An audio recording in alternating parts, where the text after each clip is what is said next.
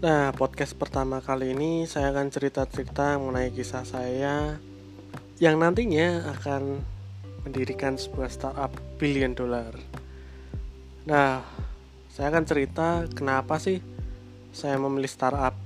Jadi dulu waktu itu lulus kuliah gitu, teknik elektro dan waktu itu daftar di oil and gas cuma karena bukan rezekinya ya akhirnya saya memutuskan untuk membuat sebuah startup.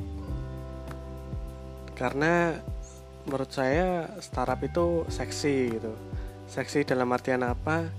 Ketika nanti sudah besar maka kita akan jadi kaya raya bukan itu aja sih maksudnya bukan kaya rayanya namun uh, paling tidak ada value ada nilai yang bisa kita berikan kepada orang lain ketika kita membuat sebuah startup atau perusahaan.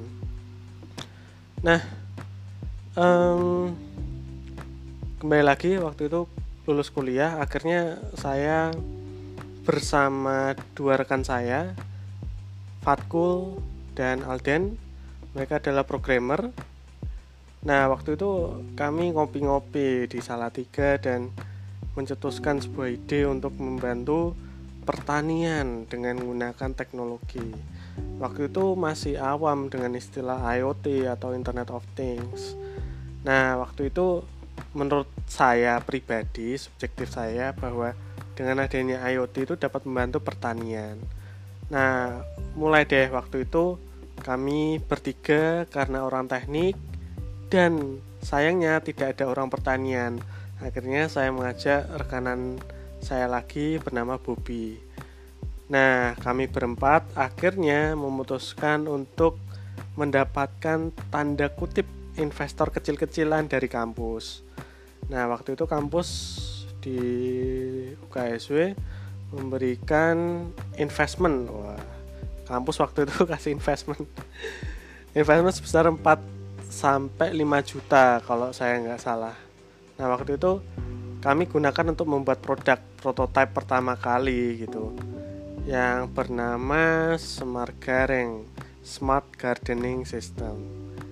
Itu udah jadi itu produknya itu nah kesalahan saya selama ini adalah tidak memikirkan bisnisnya gitu tidak memikirkan bisnisnya Smart Gareng bagaimana sih menjual sebuah produk itu? Nah itu yang menjadi kesalahan fatal saya waktu itu. Nah saranku untuk episode ini bagi teman-teman yang mau memulai startup atau ngebet banget untuk startup langkah pertamanya pastikan dulu bisnisnya bisa nggak nih gitu. Jangan sampai ketika membuat produk nggak ada yang mau beli gitu. Nah waktu itu jujur aja belum ada mentor-mentor gitu. Belum ada yang ngasih insight ataupun kasih pencerahan ini harus gimana. Nah itu kelemahan kami waktu itu karena kami di salah tiga dan belum banyak juga yang bermain ataupun membuat startup gitu. Nah itu yang membuat kami tidak memiliki apa yang harus kami lakukan ke depannya gitu saran saya untuk teman-teman yang mau membuat startup yang pertama cari mentor dulu nih. Mentor ataupun kenalan-kenalan yang suka banget sama bisnis gitu. Nah supaya apa? Supaya ketika membuat produk mam mereka akan mencoba untuk memikirkan bisnisnya. Jangan sampai ketika produknya bagus nah gak bisa dijual Oke, kita akan lanjut next episode.